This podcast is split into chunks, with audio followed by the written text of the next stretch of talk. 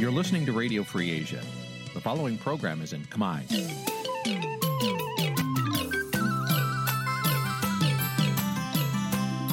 Nǐ chi càm bi tiệp xáy vệt chiu a zì sê នេះជាកម្មវិធីផ្សាយរបស់ Vithu Azisari ជាភាសាខ្មែរ វិទ្យុអាស៊ីសេរីសូមស្វាគមន៍លោកអ្នកនាងទាំងអស់ពីរដ្ឋធានី Washington នៃសហរដ្ឋអាមេរិក ផ្សាយផ្ទាល់ពីរដ្ឋធានី Washington ខ្ញុំបាទជួនច័ន្ទបុតសូមជម្រាបសួរលោកអ្នកនាងកញ្ញានិងប្រិយមិត្តទាំងអស់ជាទីមេត្រីបាទខ្ញុំបាទសូមអភ័យទោសដល់លោកអ្នកនាងដែលយើងមានបញ្ហាបច្ចេកទេសដែលយើងមិនអាចចាប់ផ្ដើមបានហើយយឺតពេលអស់រយៈពេលប្រមាណ10នាទីនេះក៏ប៉ុន្តែយ៉ាងណាក៏ដោយចុះយើងនឹងបន្ថែមម៉ោងជូនលោកអ្នកនាងវិញបាទជាកិច្ចចាប់ផ្ដើមនេះសូមអញ្ជើញលោកអ្នកនាងស្ដាប់ព័ត៌មានប្រចាំថ្ងៃដែលមានមេតិការដូចតទៅ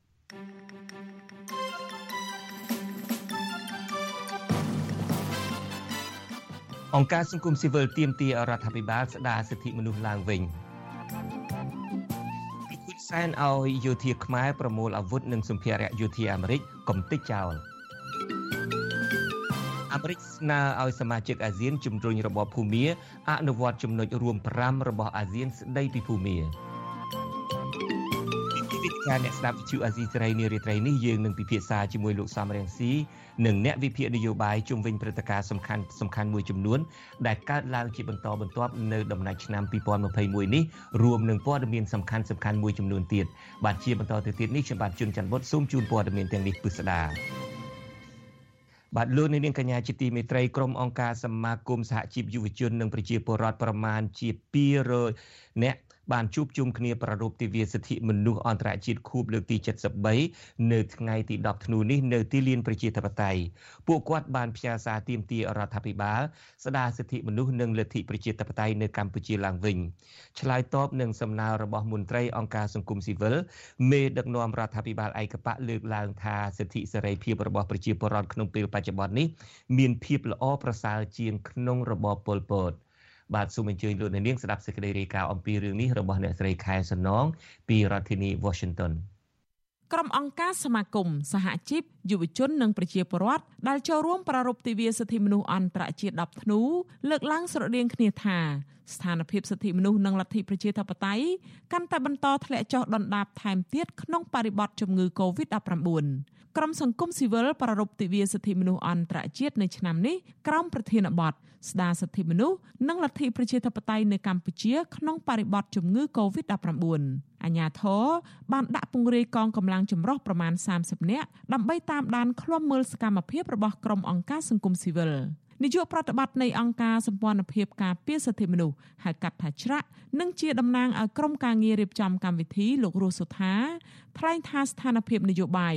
និងការរំលោភសិទ្ធិមនុស្សនៅកម្ពុជា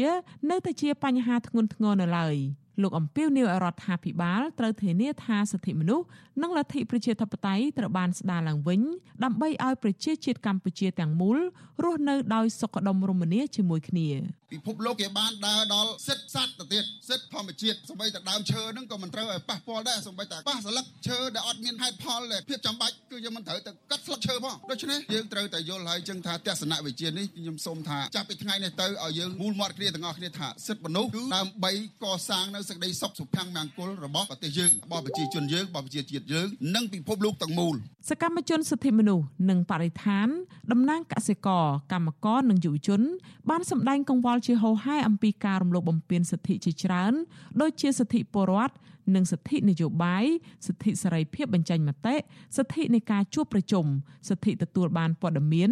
និងការរំលោភបំពានសិទ្ធិការងារពីនយោជកព្រមទាំងការរំលោភសិទ្ធិដីធ្លីជាដើម ពួកគាត់ទាមទារឲ្យរដ្ឋាភិបាលបញ្ឈប់ការធ្វើទុកបុកម្នេញគ្រប់បែបយ៉ាងហើយត្រូវបើកលំហប្រជាធិបតេយ្យនិងសិទ្ធិសេរីភាពជាមូលដ្ឋានរបស់ប្រជាពលរដ្ឋឡើងវិញក្រៅពីនេះអ្នករៀបចំកម្មវិធីក៏បានធ្វើពិធីបាំងស្កូលឧទ្ទិសកុសលដល់បុព្វបុរសដែលបានពលីជីវិតដើម្បីបុព្វហេតុសិទ្ធិមនុស្សនិងលទ្ធិប្រជាធិបតេយ្យរួមមានមន្ត្រីសមាគមអាត6លោកច័ន្ទសូវេតអ្នកវិភាគនយោបាយបណ្ឌិតកែមលី និងសកម្មជនប្រៃឈើលោកឈុតវុធីជាដើម។ ប្រធានផ្នែកកម្មវិធីស្រាវជ្រាវនិងតស៊ូមតិនៃសមាគមបណ្ដាញយុវជនកម្ពុជាហៅកាត់ថា CYN លោកហេងកំហុងនិយាយថាសិទ្ធិចូលរួមការពារធនធានធម្មជាតិក្នុងចំណោមសិទ្ធិសំខាន់សំខាន់ជាច្រើនទៀតក៏កំពុងរងនឹងការរំលោភបំពានជាខ្លាំងពីសំណាក់អាជ្ញាធររដ្ឋាភិបាល លោកសង្កេតឃើញថា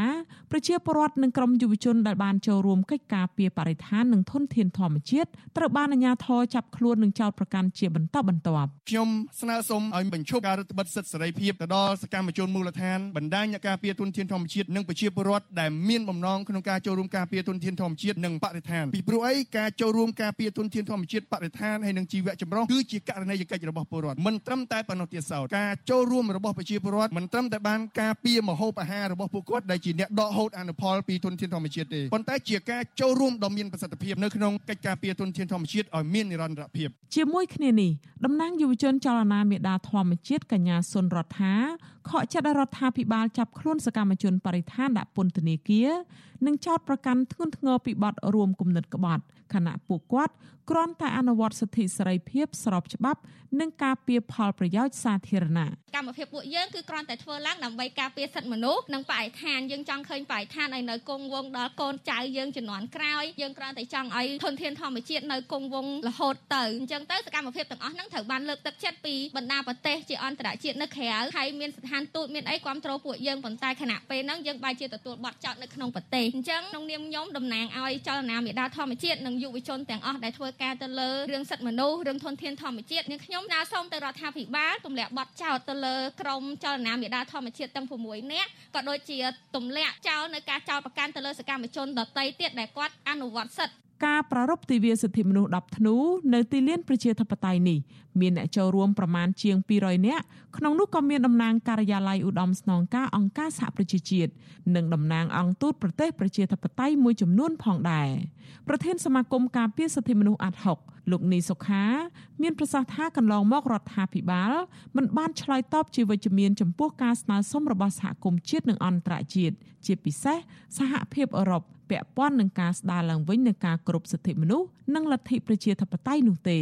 លោកយល់ថាចំនួននយោបាយរ៉ាំរ៉ៃសប្តាហ៍នេះគឺជាចំណាយធ្វើឲ្យស្ថានភាពសិទ្ធិមនុស្សធ្លាក់ចុះធ្ងន់ធ្ងរដោយជាការចាប់ខ្លួនសកម្មជនដោយគ្មានមូលដ្ឋានច្បាប់កើនឡើងនិងអំពើហិង្សាលើសកម្មជននយោបាយជាបន្តបន្ទាប់រហូតដល់មានករណីកាប់សម្លាប់សកម្មជនបកប្រឆាំងម្នាក់គឺលោកស៊ិនខុនជាដើម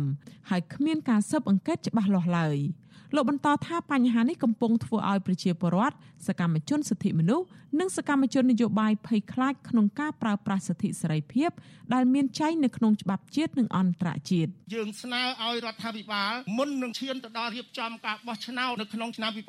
2022-23យើងស្នើទៅដល់រដ្ឋាភិបាលធ្វើយ៉ាងណាដើម្បីងាកមកធ្វើការសម្រុះសម្រួលខាងនយោបាយដើម្បីតម្កល់ផលប្រយោជន៍ជាតិអានេះគឺជារឿងមួយដែលចាំបាច់បំផុតដើម្បីរៀបចំស្ថានភាពបរិយាកាសនយោបាយបរិយាកាសសិទ្ធិមនុស្សឲ្យមានប្រជាពលរដ្ឋមានភាពកក់ក្ដៅនិងមានសេរីភាពគ្រប់គ្រាន់ក្នុងការចូលរួមសម្ដែងមតិសម្ដែងឆន្ទៈរបស់ខ្លួនក្នុងការដំណើរការបោះឆ្នោតនៅពេលខាងមុខទី2គឺស្នើសុំឲ្យរដ្ឋាភិបាលដោះលែងនិងទម្លាក់ចោលរាល់ការចោទប្រកាន់ចំពោះសកម្មជនសិទ្ធិមនុស្សសកម្មជននយោបាយដែលកំពុងជាប់ឃុំនៅក្នុងពេលបច្ចុប្បន្នដែលយើងយល់ថាជាការជាប់ឃុំមួយដោយអយុត្តិធម៌ ក្រោយបញ្ចប់កម្មវិធីនៅទីលានប្រជាធិបតេយ្យក្រុមអង្គការសង្គមស៊ីវិលចំនួន31ស្ថាប័នក៏បានរៀបចំកម្មវិធីផ្ដល់ពានរង្វាន់លើកទឹកចិត្តដល់ក្រុមយុវជនមេដាធម្មជាតិយុវជនខ្មែរថាវរៈអតីតនាយកព័ត៌មានវັດឈូអាស៊ីសេរីពីររូបគឺលោកអ៊ួនឈិននិងលោកយាងសុធិរិន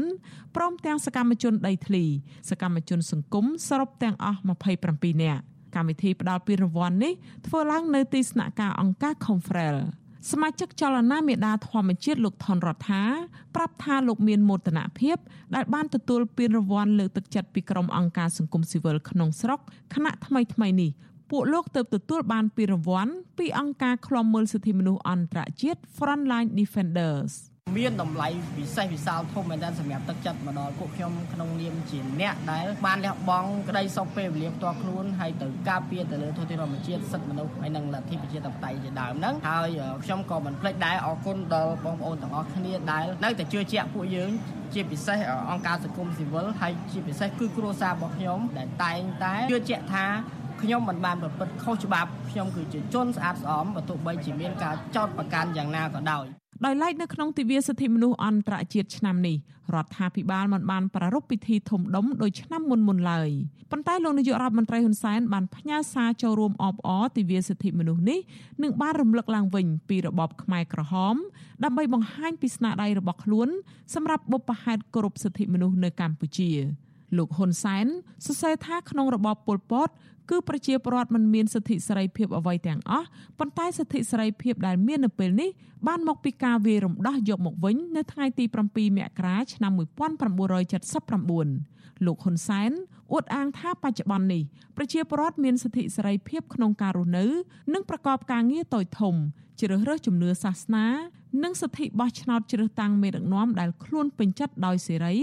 ហើយសិទ្ធិសេរីភាពនេះក៏បានធ្វើឲ្យកម្ពុជាកាន់តែរីកចម្រើនជឿនលឿនទៅមុខផ្ទុយពីការលើកឡើងរបស់លោកនាយករដ្ឋមន្ត្រីហ៊ុនសែននេះប្រធានគណៈបកសង្គ្រោះជាតិលោកកឹមសុខានៅតែជំរុញឲ្យមានការរួមគ្នា លើកស្ទួយការគោរពនិងការពារសិទ្ធិមនុស្សជាមូលដ្ឋាន ដើម្បីធានា ការពារសន្តិភាព ស្ថិរភាព និងវឌ្ឍនភាពសង្គមឲ្យរឹងមាំ លោកសរសេរនៅលើ Facebook ថាការមិនអោយតម្លៃសិទ្ធិមនុស្សការមិនគោរពសិទ្ធិគ្នាទៅវិញទៅមក ជាពិសេសការរំលោភសិទ្ធិមនុស្សគឺជាដើមចំនៃចំនួនទាំងឡាយដែលអាចរីករាលដាលរហូតដល់មានសង្គ្រាមនាំឲ្យមនុស្សលោកទទួលរងនឹងការឈឺចាប់វិនាសកម្មនិងឈានទៅបំផ្លាញសន្តិភាពម្យ៉ាងទៀតចំនួនឬសង្គ្រាមដែលកើតមកពីការរំលោភសិទ្ធិមនុស្សមិនមែនប៉ះពាល់តែអ្នកប្រព្រឹត្តនិងអ្នកទទួលរងការរំលោភដោយផ្ទាល់នោះទេ គឺរាលដាលទៅបំផ្លាញអ្នកដទៃប្រទេសជាតិនិងពិភពលោកទៀតផងលោកបន្តថាហេតុនេះហើយទើបអង្គការសហប្រជាជាតិចាត់ទុកថាបញ្ហាសិទ្ធិមនុស្សគឺជាបញ្ហាសកលនិងមានការចូលរួមឃ្លាំមើលនិងថ្កោលទោសពីមជ្ឈដ្ឋានខាងក្រៅមេបកប្រឆាំងរូបនេះសង្កត់ធ្ងន់ថាការលើកកម្ពស់ឬការការពារសិទ្ធិមនុស្សมันអាចចាត់ទុកថាជាការលូកដៃចូលកិច្ចការផ្ទៃក្នុង ឬជាការរំលោភលើអធិបតេយ្យភាពនោះទេ រីឯស្ថានទូតសហរដ្ឋអាមេរិកប្រចាំនៅកម្ពុជា បង្ហោះសារបង្ហាញមោទនភាពដែលបានចូលរួមជាមួយសហជីពនិងអង្គការមិនមែនរដ្ឋាភិបាលកម្ពុជាចំនួន31ស្ថាប័នដើម្បីអបអរទិវាសិទ្ធិមនុស្សអន្តរជាតិស្ថានទូតអាមេរិកអំពាវនាវរដ្ឋាភិបាលកម្ពុជាការពារសេរីភាពជាសកល ក្នុងការបញ្ចេញមតិនិងការជួបប្រជុំប្រមូលផ្ដុំគ្នា ពីព្រោះមនុស្សទាំងអស់កើតមកមានសេរីភាព និងសមភាពប្រកបដោយភាពថ្លៃថ្នូរនិងសិទ្ធិ។ ចានាងខ្ញុំខែសុណងវັດឈូអាស៊ីសេរីរាយការណ៍ពីរដ្ឋធានី Washington បាទលោកនាងជាទីមេត្រីនៅក្នុងខួបលើកទី73នៃទិវា សិទ្ធិមនុស្សអន្តរជាតិនេះខ្ញុំបាទក៏នឹងមានបទសម្ភាសន៍ផ្ទាល់មួយជាមួយនឹងលោកសានសុថាលោកសានសុថាជាទីលោករស់សុថាសំទោលោករស់សុថាជាទីប្រឹក្សាជាន់ខ្ពស់នៃអង្គការសម្ព័ន្ធភាព ការពារសិទ្ធិមនុស្សហៅកាត់ថាច្រាត់តាមប្រព័ន្ធវីដេអូ Skype បាទខ្ញុំបាទសូមជម្រាបសួរលោករស់សុថាបាទបាទលោករស់សុថាគ្រប់នឹងជម្រាបសួរលោកចិនច័ន្ទបុតបាទខ្ញុំរស់សុថាជាប្រធានអង្គការច្រាត់បាទជាប្រធានអង្គការច្រាត់បាទ បាទសូមទោសខ្ញុំនៅអីអាស៊ីសេរីនេះមានឈ្មោះសានរដ្ឋាយទៅដល់ពេលហើយឈ្មោះលោកច្រឡំតែម្ដងបន្តិចតែនឹងណាឈ្មោះរស់សថារស់សថាបាទបាទលោកសថាថ្ងៃនេះជាខួបលើកទី73ផងនៃទិវាសិទ្ធិមនុស្ស10ធ្នូទិវាសិទ្ធិមនុស្សអន្តរជាតិ10ធ្នូហ្នឹងឃើញថាពិធីនឹងរៀបចំទៅនឹងមានប្រគល់ពានរង្វាន់ដល់តាំងពីអ្នកកសែតអតីតអ្នកកសែតអាស៊ីសេរីអីនឹងផងហើយមានការលើកទឹកចិត្តដល់ក្រមយុវជនដែលការពារបរិស្ថានអីផងតើការប្រព្រឹត្តនឹងក្នុងបរិយាកាសបែបណាដែរថ្ងៃនេះលោកបាទការប្រព្រឹត្តនេះគឺបានល្អប្រសើរមានការគ្រប់គ្រងពីគ្រប់អ្នកពាក់ព័ន្ធទាំងអស់បាទព្រមទាំងអាជ្ញាធរអាជ្ញាធរដែនដីក៏ប៉ុន្តែវាមានបញ្ហាមិនដេញដែរមិនប្រកដីបន្តិចបន្តួចដែលមានអាជ្ញាធរនៅ តំបន់គេហៅថាការិយាល័យរបស់អង្គការ Confrel ហ្នឹងគឺមានខាងសង្កាត់ហ្នឹងមានការមកសួរនាំពីការបិទបដានិងការជួបជុំនៅទីនោះបាទបាទហើយខ្ញុំសូមជំរាបជូនថាការធ្វើនេះគឺមានការសម្របសម្រួលគ្នាបានច្បាស់លាស់ហើយមានទាំងកំណត់ហេតុទៅទៀតបាទហើយអានេះគឺនិយាយពីការសម្របសម្រួលក៏ប៉ុន្តែបើយើងនិយាយពីសិទ្ធិសេរីភាពហើយពិសេសទៅទៀតគឺថ្ងៃនេះគឺថ្ងៃ10ធ្នូជាថ្ងៃ អឺជាខូបអនុស្សាវរីយ៍នៃការប្រកាសជាសកលជាអលរិកស្ដីពីសិទ្ធិមនុស្សនេះជាសកលដោយលោកមានប្រសាសន៍នេះគឺជាថ្ងៃដែលពិសេសវិសាលដែលសកលលោកមានការគោរពទាំងអស់គ្នាជាច្បាប់អន្តរជាតិដូច្នេះការមកសួរនាំនៅអ្វីអ្វីដែលក្នុងជុំវិញបរិបទនៃសិទ្ធិនេះគឺជារឿងចម្លែកមួយដែរដែលប្រហែលជាគាត់ធ្វើនឹងមិនបានស្របទៅតាមអ្វីដែលបានឯកភាពនៅថ្នាក់ នៃសាលាក្រុងទេបាទបាទការចម្លែកដែលលោកបានមានប្រសាសន៍នេះតាមពិតនឹងវាមិនមែនចម្លែកតែឆ្នាំនេះឯណាលោកតាមពិតឆ្នាំរាល់ឆ្នាំនឹងឲ្យតែមានការប្រារព្ធពិធីអឺដើរហែក្បួនក៏ដោយឬមួយការជួបជុំគ្នាក៏ដោយដើម្បីរំលឹកដល់ទិវាសិទ្ធិមនុស្សនឹងតែងតែមានការរៀបរៀងតែងតែមានការសួរនាំតែអញ្ចឹងតែមិនអញ្ចឹងលោកដូចជាមិនមានអីប្លែកធម្មតាកូពីធម្មតាទេ បាទខ្ញុំទទួលស្គាល់ថាអញ្ចឹងដែរប៉ុន្តែចាប់ពីពេលនេះទៅ ដែលយើងជាពេលវេលាដែលត្រូវពង្រឹងសិទ្ធិមនុស្សខ្ញុំត្រូវតែនិយាយថាចម្លែកព្រោះថាអ្វីដែលខ្ញុំនិយាយថាចម្លែកព្រោះថានេះគឺជាការការពារដោយច្បាប់ជាតិនិងច្បាប់អន្តរជាតិបាទបាទអរគុណចំពោះការបកស្រាយនេះ អឺលោករស់ស្ថាក្នុងរយៈពេល1ឆ្នាំពេញកន្លងមកនេះនៅតែប្រហែលថ្ងៃទៀតទេយើងដាច់ឆ្នាំ2021នឹងហើយចូលឆ្នាំ2022លោកអាចវាយតម្លៃជារួមបានទេតើស្ថានភាពសិទ្ធិមនុស្សនៅឆ្នាំ2021នេះនៅប្រទេសកម្ពុជាប្រៀបធៀបទៅនឹងស្ថានភាពសិទ្ធិមនុស្សនៅកម្ពុជាដែរកាលពីឆ្នាំ2020មានការរីកចម្រើនឬមួយវាមានការកាន់តែដុនដាបទៅបាទ បាទជាប្រព័ន្ធក៏ជាប្រព័ន្ធជាយន្តការឬក៏យើងនិយាយថាជារដ្ឋបាលសាធារណៈគឺថាស្ថានភាពសិទ្ធិមនុស្សនៅកម្ពុជាគឺមិនទាន់កប់ប្រសើរទេពិសេសគឺសិទ្ធិបញ្ចេញមតិសិទ្ធិជួបជុំសិទ្ធិសារព័ត៌មានសិទ្ធិធ្វើសមាគមមានបញ្ហាខ្លះហើយដែលធ្ងន់ធ្ងរនោះគឺសិទ្ធិនយោបាយសិទ្ធិការគាំគ្រប់គ្រងនយោបាយហើយ អឺដូច្នេះបើយើងសង្ខេបមកគឺថាស្ថានភាពនៃសិទ្ធិមនុស្សនៅក្នុងស្ថានភាពសិទ្ធិមនុស្សនៅក្នុងប្រទេសកម្ពុជានៅសម្រាប់ជាដណ្ដាបនៅឡើយមិនទាន់មានអ្វីប្រែប្រួលទេគ្រាន់តែខ្ញុំជម្រាបជូនដោយត្រង់ថាខ្ញុំ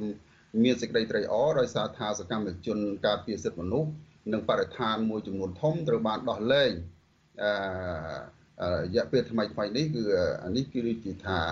ខ្ញុំក៏មានការសាទរហើយខ្ញុំចង់ឃើញថាបញ្ហាការគោរពសិទ្ធិមនុស្សនេះគឺត្រូវបានធ្វើឲ្យប្រសើរជាងមុនហើយបានទូលំទូលាយទៅតាមច្បាប់និងស្តង់ដារសិទ្ធិមនុស្សរបស់ជាតិនិងការសហប្រជាជាតិឬក៏អន្តរជាតិដែលបានកំណត់បាទបាទអរគុណលោករស់ស្ថាតើក្នុងរយៈពេលឆ្នាំ2021នេះអ្វីទៅដែលដុនដាបជាងគេផ្នែកសិទ្ធិមនុស្សនឹង បាទក្នុងឆ្នាំ2021នេះគឺថាវាមានបញ្ហាអឺស្ថានភាពដណ្ដាបផ្នែកខាងសិទ្ធិមនុស្សនោះគឺគឺសិទ្ធិនយោនយោបាយនេះតែម្ដង គឺថាយើងឃើញថាពិសេសគឺប្រជាពលរដ្ឋដែលស្រឡាញ់ហើយគ្រប់គ្រងធ្លាប់បោះឆ្នោតឲ្យគណៈបកគេថាប្រគល់ប្រជែងនៅពេលដែលគណៈបករបស់ខ្លួនត្រូវបានគេរំលាយ គាត់មានការបញ្ចេញមតិនិងតស៊ូទៅតាមសិទ្ធិនយោបាយដែលមានចែងក្នុងរដ្ឋធម្មនុញ្ញអឺក៏ដូចជាគេហៅច្បាប់អន្តរជាតិផ្ទុយទៅវិញគឺថានេះត្រូវបានធានាផងប៉ុន្តែផ្ទុយទៅវិញពួកគេត្រូវបានចាប់យ៉ាងសន្ធឹកសន្ធាប់ហើយយើងថ្មីថ្មីនេះឃើញថាមានការកាត់ទោសកាលពីប្រហែលខែមុននោះ50អឺ40នាក់តែម្ដងក្នុងសវនាការតែម្ដងហើយឥឡូវនេះ ទៅបន្តធ្វើសារណាសកម្មភាពបន្តទៅទៀតឲ្យសវនាការនេះគឺថាប៉ុន្តែជាការបំបែកតូចតូចបាទជាក្រុមតូចតូចគឺថា4 5នាក់4 5នាក់អញ្ចឹងទៅណាបាទក្នុងសំណុំសំណុំសំណុំរឿងប្រហាក់ប្រហែលគ្នាហ្នឹងគឺស្ដីអំពីការការដែលថារួមកំណត់ក្បត់នឹងបាទហើយបញ្ហាទី2ទៀតនោះគឺបញ្ហានៃសិទ្ធិក្នុងការចូលរួមថែរក្សាបរិស្ថាននិងការប្រើប្រាស់ទុនធានធម្មជាតិ បាទដូច្នេះសិទ្ធិពីរនេះចុះដុនដាបជាងគេចុះដុនដាបទី1គឺសិទ្ធិនយោបាយហើយចុះដុនដាបទី2ការដែលសិទ្ធិក្នុងការចូលរួមជួយការពារបរិស្ថានអីជាដើមនេះតាមការទស្សនៈរបស់លោកលោកឆ្នាំ2022នេះប្រហែលថ្ងៃទៀតនេះចូលឆ្នាំ2022ហើយការបោះឆ្នោតក៏នឹងឃុំសង្កាត់នឹងក៏ចូលមកដល់ដែរតើបើសិនជាស្ថានភាព សិទ្ធិមនុស្សជាពិសេសសិទ្ធិផ្នែកនយោបាយចុះដុនដាបខ្លាំងបែបនេះតើលោកនឹងមានវិធានការបែបណា ដើម្បីជួយជំរុញជួយស្ដារឡើងវិញនៅសិទ្ធិនយោបាយនេះដើម្បីជួយធ្វើយ៉ាងណាឲ្យការបោះឆ្នោតនៅកម្ពុជា នៅឆ្នាំខាងមុខនេះបានល្អប្រសើរហើយតើលោកនឹងមានសំណុំពរបែបណាទៅដល់រដ្ឋាភិបាលដើម្បីជួយកែលម្អស្ថានភាពសិទ្ធិមនុស្សជាពិសេសស្ថានភាពសិទ្ធិផ្នែកនយោបាយនេះបាទ ទី1ខ្ញុំសូមឲ្យអ្នកពាក់ព័ន្ធពិសេសរាជរដ្ឋាភិបាលដែលជាម្ចាស់ទ្វារនៃនយោបាយនៅកម្ពុជានឹងគឺថាធ្វើការដោះស្រាយនៅទំនាស់នយោបាយរវាងគណៈបកកាន់អំណាចជាមួយនឹងគណៈបកពុទ្ធប្រជែងដែលសំខាន់គឺ CNP ហ្នឹងឲ្យបានបានសមរម្យដោយសារថាគណៈបកនេះគឺមានធម្មនារូគឺមានការគ្រប់គ្រង នឹងមានភាពត្រឹមត្រូវនឹងការគ្រប់គ្រងអំពីប្រជាពលរដ្ឋម្ល៉េះហើយប្រជាយើងអានេះយើងអាចឃើញច្បាស់តាមរយៈការដែលហ៊ានតស៊ូរបស់ប្រជាជនមួយចំនួនដែលបញ្ចេញមតិឬក៏ធ្វើសកម្មភាពគ្រប់គ្រងគណៈបកចលនាគណៈបកសង្គ្រោះជាតិនោះថាពួកគាត់នៅតែគាត់មិនពេញចិត្ត នៅអ្វីដែលជាលទ្ធផលនៃការសម្រេចទៅលើជោគវាសនាគណៈបកប្រគល់ប្រជែង CNP នេះហើយអានេះឯងជាបញ្ហាធំដែលវាអាចជាឧបសគ្គនឹងធ្វើឲ្យការបោះឆ្នោតរបស់យើងមិនអាចប្រព្រឹត្តទៅដោយរលូនហើយព្រមទាំងវាអាចធ្វើឲ្យស្ថានភាពសន្តិភាពនឹងមិនមិនបានរលូនមិនបានល្អប្រសើរទី2ខ្ញុំចង់ឲ្យ រាជរដ្ឋាភិបាលបង្កើតឲ្យមានគេហៅថាការបោះឆ្នោតមួយដែលគេថាដែលមានគុណភាពដែលអាចទុកចិត្តបានហើយគុណភាពដែលអាចទុកចិត្តបានលុះត្រាតែអឺយន្តការនៃការបោះឆ្នោតហ្នឹងគឺគេហៅថាមានឯករាជ្យភាពពិសេសគឺគណៈកម្មការរៀបចំគណៈកម្មការជាតិរៀបចំការបោះឆ្នោតនេះគឺត្រូវតែ ឯករាជ្យគឺថាទាំងមនុស្សទាំងប្រព័ន្ធទាំងយន្តការនីតិវិធីធ្វើការទាំងអស់គឺត្រូវដំណើរភាពមានការចូលរួមពីអ្នកពាក់ព័ន្ធទាំងអស់ទើបប្រជាពលរដ្ឋឬក៏លទ្ធផលរបស់ឆ្នោតនោះមានតម្លៃហើយមានការទទួលស្គាល់ពីប្រជាពលរដ្ឋខ្លួនឯងនិងសហគមន៍អន្តរជាតិបើមិនដូច្នោះទេគឺថាលទ្ធផលនៃការបោះឆ្នោតខាងមុខនេះនឹងមិនអាច ប្រព្រឹត្តទៅបានល្អប្រសើរហើយនឹងខ្វះការគ្រប់គ្រងហើយខ្វះនៅធម្មមានរូបហើយនឹងអាចមានឲ្យគេហៅថាអឺការធ្វើពហិការឬក៏ការដាក់ទណ្ឌកម្មបន្ថែមទៀតពីសហគមន៍អន្តរជាតិអានេះជាការដែលប្រមាលមូលរបស់ខ្ញុំបាទពីព្រោះវាជាជំងឺរ៉ាំរ៉ៃយូរមកហើយដែលអន្តរជាតិកំពុងមើលមើលដោយគេហៅថាគឺថាក្នុងទឹកចិត្តដែលពិបាកក្នុងចិត្តបាទច្រើន ដោយសារថាគោលនយោបាយមិនជាតិជែកកិច្ចការប្រតិក្នុងក៏ប៉ុន្តែអ្វីដែលយើងធ្វើនៅខាងក្នុងនេះវាគេហៅថាមិនមិនបានសមស្របទៅតាមបទដ្ឋានអន្តរជាតិមកហើយអឺធ្វើឲ្យបញ្ហាកម្ពុជាដែលជាតិនិងអន្តរជាតិកំពុងតែជួយដោះស្រាយនេះធ្វើម៉េចឲ្យកម្ពុជាមានគេហៅថាសុខដុមរមនាពិសេសគឺមានសេចក្តីសុខផ្នែកខាងសិទ្ធិមនុស្សនឹងការរីករាយនឹងគេហៅថាការអភិវឌ្ឍ ដែលខ្មែរយើងមិនបានសោយយូរជាយូរឆ្នាំរាប់ទសវត្សរ៍មកហើយនេះត្រូវបានបញ្ចប់ប៉ុន្តែអ្វីអ្វីគឺថាជាការខកចិត្តដោយដែលយើងបានឃើញនៅសារនយោបាយរបស់ប្រទេសមហាមិត្តដែលបានថ្លែងថាសេចក្តីសង្ឃឹមរបស់ប្រជាពលរដ្ឋកម្ពុជាថាលទ្ធផលនៃកិច្ចព្រមព្រៀងសន្តិសន្តិភាពក្រុងប៉ារីសនឹងផ្ដល់សេចក្តីសង្ឃឹមឲ្យប្រជាពលរដ្ឋរស់នៅប្រកបដោយសុខ រីករាយនឹងការអភិវឌ្ឍនិងសិទ្ធិសេរីភាពនោះគឺថាមិនតាន់បានជួបប្រទះទេបាទអរគុណបាទបាទអរគុណលោករស់សថាសំណួរខ្ញុំមួយទៀតអឺលោកមានប្រសាសន៍ថាបញ្ហាសិទ្ធិនយោបាយនឹងចុះដុនដាបមែនតែននៅឆ្នាំ2021នេះខ្ញុំបាទចង់ដឹងថាតើអ្វីទៅជាមូលហេតុចម្បងដែលធ្វើឲ្យសិទ្ធិនយោបាយនឹងចុះដុនដាបមែនតែននៅឆ្នាំ2021នោះ ការដែលខ្ញុំបាទសួរបែបនេះនឹងពីព្រោះថារាល់ពេលដែលមានការធ្វើទុកបុកម្នេញដល់សកម្មជននយោបាយអីជាដើមនឹងគេច្រើនតែងាកទៅបន្ទោសថាអ្នកមកពីលោកសំរៀងស៊ីមកពីខាងគណៈបកប្រឆាំងនឹងមានសកម្មភាពប្រកាសពីសកម្មភាពបែបនេះប្រកាសពីសកម្មភាពបែបនោះអីចឹងទៅដែលធ្វើឲ្យ សកម្មជននៅក្នុងប្រទេសនឹងចាប់ផ្ដើមមានសកម្មភាពឡើងហើយធ្វើឲ្យគេធ្វើទុកបុកម្នេញអីជាដើមតើមូលហេតុពិតនឹងអាចមកពីខាងគណៈបកប្រឆាំងនឹងមានសកម្មភាពឬមួយមកពីអ្វីទៅវិញជាមូលហេតុសំខាន់លោករស់ស្ថាប័នបាទមូលហេតុសំខាន់នឹងគឺការដែលការកាត់ក្តីស្ដីអំពីគេហៅថាដំណើរប្រព្រឹត្តទៅនៃគណៈបកនៃនេះថា វុទ្ធបច្ច័យនឹងគឺมันបានជាការពេញចិត្តទាំងទាំងភាគីទាំងសងខាងអឺយើងមើលទៅឃើញថាតាមច្បាប់ជាតិអន្តរជាតិអឺនឹងអង្គហេតុជាក់ស្ដែងឃើញថាអឺថាគណៈបកសង្គ្រោះជាតិមានអារម្មណ៍ថាគាត់រងគ្រោះហើយត្រូវបានរំលោភហើយដែលគាត់ពិបាកនឹងទទួលយកបានម្ល៉េះហើយអា កើតជាទំនាស់ទំនាស់នឹងឯងជាចំណុចដែលយើងមានមិនមានការឯកភាពគ្នាហើយទំនាស់នឹងយើងឃើញហើយថាជាជាទំនាស់ធំមិនមែនជាទំនាស់តូចទេព្រោះថាគណៈបកទាំងពីរហ្នឹងគឺមានការគ្រប់គ្រងពីប្រជាជនហ្នឹងគឺច្រើនច្រើនដូចគ្នាបាទម្ល៉េះហើយអញ្ចឹងការដោះស្រាយគេថាมันបានសមស្របនេះហើយបង្កើតឲ្យមានគេហៅថាការតស៊ូមតិក៏ដូចជាការតស៊ូផ្លូវផ្លូវនយោបាយបាទ ហើយហើយហើយក្នុងបើសិនយើងពិនិត្យមកមើលផ្នែកខាងរាជរដ្ឋាភិបាលវិញគឺថាលោកមិនចោលនៅគេថាគោលបំណងថាកំចាត់គណៈបកសង្គ្រោះជាតិនេះទេហើយអញ្ចឹងហើយបានជាបញ្ហាហ្នឹងវាចេះតែកើតច្រើនឡើងច្រើនឡើងរីកថាមហារីកហ្នឹងវាចេះតែរីកទៅរីកទៅពីព្រោះថា ដៃគូទាំងសងខាងមិនមិនមិនចុះថយគឺថាមានតែបន្ថែមខាងរាជរដ្ឋាភិបាលបន្ថែមការបង្ក្រាបដូចជាជាក់ស្ដែងយើងឃើញថាអឺការការធ្វើសវនាការចំពោះអ្នកគ្រប់គ្រងនយោបាយនេះឬក៏ការចាប់ខ្លួននៅ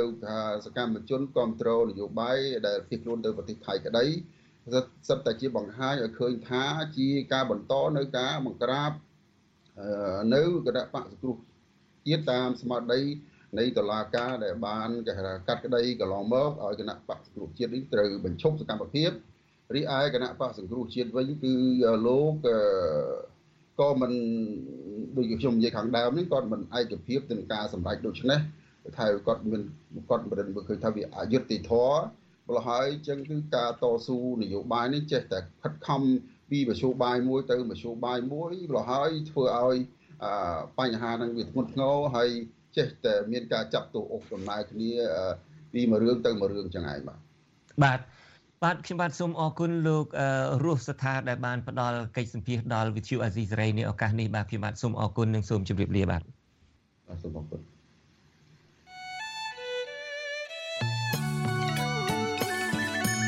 បាទនាងកញ្ញាជាទីមិត្តរីនៅចុងឆ្នាំ2021នេះមានព្រឹត្តិការណ៍ធំធំមួយចំនួនកើតឡើងបន្តបន្ទាប់គ្នា ដែលអាចចាត់ទុកក្នុងប្រវត្តិសាស្ត្រនៃកម្ពុជាផង បាទនោះគឺការប្រកាសរបស់លោកកឹមសុខា ថាកឹមសុខាសំរងស៊ីលែងជាមនុស្សតែមួយការបញ្ចេញបេក្ខភាពនាយករដ្ឋមន្ត្រីនៃកម្ពុជាទៅថ្ងៃមុខដែលជាកូនប្រុសរបស់លោកហ៊ុនសែនដោយលោកហ៊ុនសែនគ ម្រោងបញ្ចេញឈ្មោះគណៈរដ្ឋមន្ត្រីថ្មីដែលជាកូនចៅរបស់មេដឹកនាំនៃគណៈបកប្រជាជនកម្ពុជាការដាក់ទណ្ឌកម្មផ្នែកយោធាពីសហរដ្ឋអាមេរិកទៅលើកម្ពុជា ដែលមិនធ្លាប់មានពីមុនមកតើអ្នកវិភាគនយោបាយមានទស្សនៈបែបណាជុំវិញការវិវត្តថ្មីនេះ តើព្រឹត្តិការណ៍ទាំងនេះអាចជះឥទ្ធិពលយ៉ាងណាដល់ឆ្នាំ2022និងទៅអនាគតនៃប្រទេសកម្ពុជាលោកអ្នកនាងនឹងបានស្ដាប់ការបកស្រាយរបស់អ្នកវិភាគនយោបាយនិងសង្គមលោកបណ្ឌិតសេងសេរីនិងមេគណៈបកប្រឆាំងលោកសំរៀងស៊ីក្នុងនីតិវិទ្យាអ្នកស្ដាប់វិទ្យុអាស៊ីសេរីដែលនឹងចាប់ផ្ដើមនាពេលបន្តិចទៀតនេះអាស៊ីសេរី បាទលោកនាងកញ្ញាជាទីមេត្រីទីប្រឹក្សាក្រសួងការបរទេសសហរដ្ឋអាមេរិកលោក Derek Chollet ដែលកំពុងបំពេញទស្សនកិច្ចនៅកម្ពុជា បានជំរុញឲ្យប្រទេសសមាជិកអាស៊ានបន្តដាក់សម្ពាធលើរបបយោធាភូមិឲ្យគោរពសេចក្តីសម្រេច5ចំណុចរបស់អាស៊ាន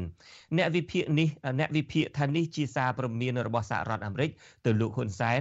ឲ្យគោរពគោលការណ៍អាស៊ានដែលតម្កល់គោលការណ៍ប្រជាធិបតេយ្យជាធំ ពីរដ្ឋធានី Washington អ្នកស្រីម៉ៅសុធីនីមានសេចក្តីរាយការណ៍អំពីរឿងនេះ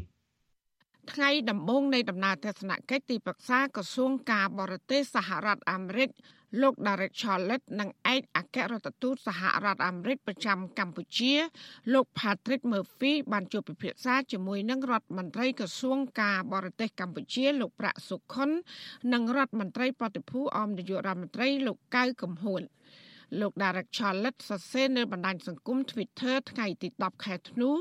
ថាលោករីករាយដែលបានជជែកជាមួយនឹងលោកកៅកំហួនគណៈកម្ពុជាក្លាយជាប្រទេសបដូវវេនអាស៊ាននៅឆ្នាំ2022ខាងមុខលោកបន្តទៀតថាសហរដ្ឋអាមេរិកផ្ដោតតម្លៃលើភាពជាដៃគូដ៏រឹងមាំរបស់ខ្លួនជាមួយអាស៊ាន ហើយលោកក៏ជំរុញឲ្យសមាជិកអាស៊ាន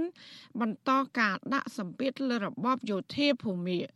ចាលោកក៏ជំរុញទៅសមាជិកអាស៊ាន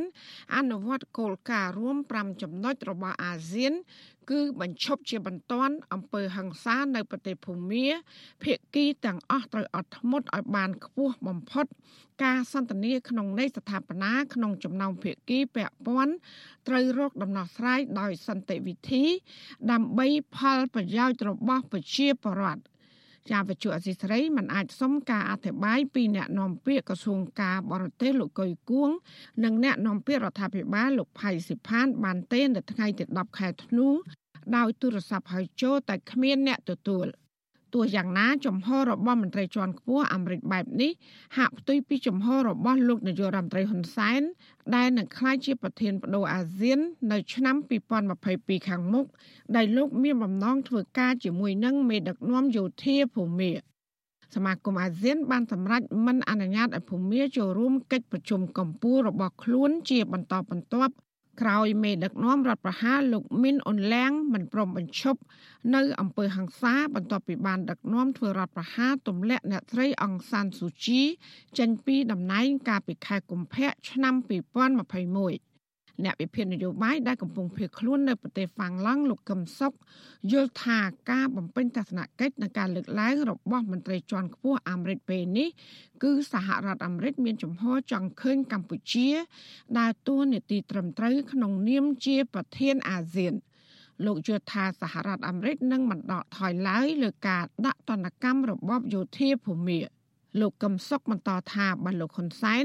នៅតែរក្សាចំហទាញមេដឹកនាំរបបយោធាភូមាចូលរួមក្នុងកិច្ចប្រជុំអាស៊ានខាងមុខនេះ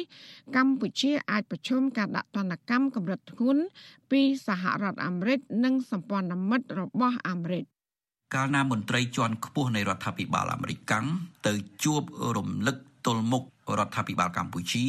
ដល់ផ្ទះច្រើនដងបែបនេះ ខ្ញុំយល់ថាស្ថានភាពកាន់តែលំបាកហើយប្រសិនបើលោកហ៊ុនសែនអង្គុយលើកៅអីប្រធានអាស៊ានក៏ប៉ុន្តែដើរតួនាទីមិនត្រឹមត្រូវឧទាហរណ៍មិនដោះស្រាយរដ្ឋប្រហារនៅប្រទេសភូមាក៏ប៉ុន្តែបែរជាលើកដំកើងមេរដ្ឋប្រហារមានអង្គលៀងទៅវិញ លោកហ៊ុនសែនកាលពីថ្ងៃទី7ខែធ្នូកន្លងទៅបានជួបពិភាក្សាជាមួយនឹងរដ្ឋមន្ត្រីការបរទេសលោកវុនណាម៉ោងលីនអំពីកិច្ចសហប្រតិបត្តិការទ្វេភាគីរវាងប្រទេសទាំងពីរក្នុងជំនួបនោះលោកហ៊ុនសែននិងលោកវុនណាម៉ោងលីនបានពិភាក្សាគ្នាអំពីបញ្ហាអាស៊ានផងដែរដោយលោកហ៊ុនសែននឹងជំរុញឲ្យអាស៊ាន មានកិច្ចសហប្រតិបត្តិការល្អជាមួយនឹងភូមា ប្រមុខការទូតភូមារូបនោះក៏បានជូនលិខិតរបស់មេដឹកនាំរបបយោធាភូមាលោកមីនអ៊ុនឡាំងអញ្ជើញលោកហ៊ុនសែនទៅទស្សនកិច្ចនៅភូមា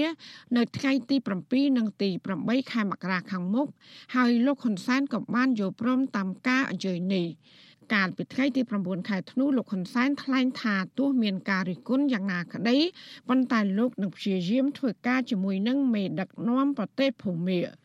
លោកហ៊ុនសែនអះអាងថាតាមគោលការណ៍កុងសុងស៊ីសរបស់អាស៊ាន គឺត្រូវធ្វើការដោយមានសមាជិកទាំង10នៃប្រទេសអាស៊ានចាននាងខ្ញុំម៉ៃសុធានីវិទ្យុអាស៊ីសេរីប្រធានាធិបតី Washington បាទលោកនាងកញ្ញាជាទីមេត្រីអង្គការសិទ្ធិមនុស្សអន្តរជាតិ Human Rights Watch ជំរុញឲ្យមន្ត្រីជាន់ខ្ពស់ការបរទេសអាមេរិក លើកឡើងនៅរាល់ទម្រង់នៃការរំលោភសិទ្ធិមនុស្សនិងលទ្ធិប្រជាធិបតេយ្យនិងសេរីភាពសារព័ត៌មានក្នុងជំនួបជាមួយលោកនាយករដ្ឋមន្ត្រីហ៊ុនសែននិងថ្នាក់ដឹកនាំជាន់ខ្ពស់កម្ពុជាដទៃទៀត។ នាយករងនៃអង្គការសិទ្ធិមនុស្សអន្តរជាតិ Human Rights Watch លោក Phil Robertson បញ្ជាក់ក្នុងសេចក្តីថ្លែងការណ៍នៅថ្ងៃទី10ខែធ្នូនេះដែលជាទិវាសិទ្ធិមនុស្សអន្តរជាតិថាទីប្រឹក្សាក្រសួងការបរទេសអាមេរិកលោក Derek Chollet គួរតែទាមទារឲ្យលោកនាយករដ្ឋមន្ត្រីហ៊ុនសែនបញ្ឈប់ការបង្ក្រាបដល់គណៈបកប្រឆាំងដែលរហូតដល់មានការចាប់ឃុំខ្លួន ការកាត់ក្តីមនុស្សទាំងវង និងកិច្ចសហការជាមួយអាជ្ញាធរថៃក្នុងការចាប់បញ្ជូនពលរដ្ឋខ្មែរដែលមានសិទ្ធិស្របច្បាប់ជាជនភៀសខ្លួនត្រឡប់មកកម្ពុជាវិញជាដើម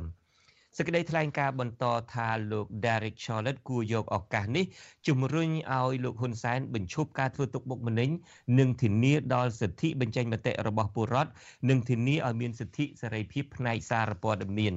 ពាក់ព័ន្ធទៅនឹងបញ្ហានៅប្រទេសភូមាវិញលោក Phil Robertson បញ្ជាក់ថាលោក Derek Chollet ពិតជានឹងជជែកពិភាក្សាអំពីស្ថានភាពសិទ្ធិមនុស្សនៅភូមា ទួនាទីរបស់កម្ពុជាដែលធ្វើជាប្រធានបដូវវេនរបស់អាស៊ាន និងបញ្ហាសមុទ្រចិនខាងត្បូងជាដើមលោកហ៊ុនសែនដោយតាំងនាមជាប្រធានអាស៊ានបានអញ្ជើញរដ្ឋមន្ត្រី ការបរទេសភូមាមកកម្ពុជានឹងគ្រោងទៅធ្វើទស្សនកិច្ចនៅប្រទេសភូមា ដើម្បីជួបពិភាក្សាជាមួយមេដឹកនាំរដ្ឋប្រហារយោធាលោកមីនអងឡាំងនៅថ្ងៃទី7និងថ្ងៃទី8ខែមករាឆ្នាំ2022ខាងមុខនេះសេចក្តីថ្លែងការណ៍បន្តថាប្រសិនបើលោកហ៊ុនសែនចង់តាំងខ្លួនជាអ្នកផ្សះផ្សារោគដំណោះស្រាយនៅភូមាឬមីយ៉ាន់ម៉ា ត្រូវតែជួបពិភាក្សាជាមួយភាគីរដ្ឋាភិបាលឯកភាពជាតិដែលមានការគ្រប់គ្រងពីសមាជិកសភាយ៉ាងច្រើន ក្នុងការបោះឆ្នោតកាលពីខែវិច្ឆិកាឆ្នាំ2020ដើម្បីស្របតាមការចង់បានរបស់ពលរដ្ឋភូមាដែលចង់បានការគោរពសិទ្ធិសេរីភាព និងស្ដារលទ្ធិប្រជាធិបតេយ្យឡើងវិញ។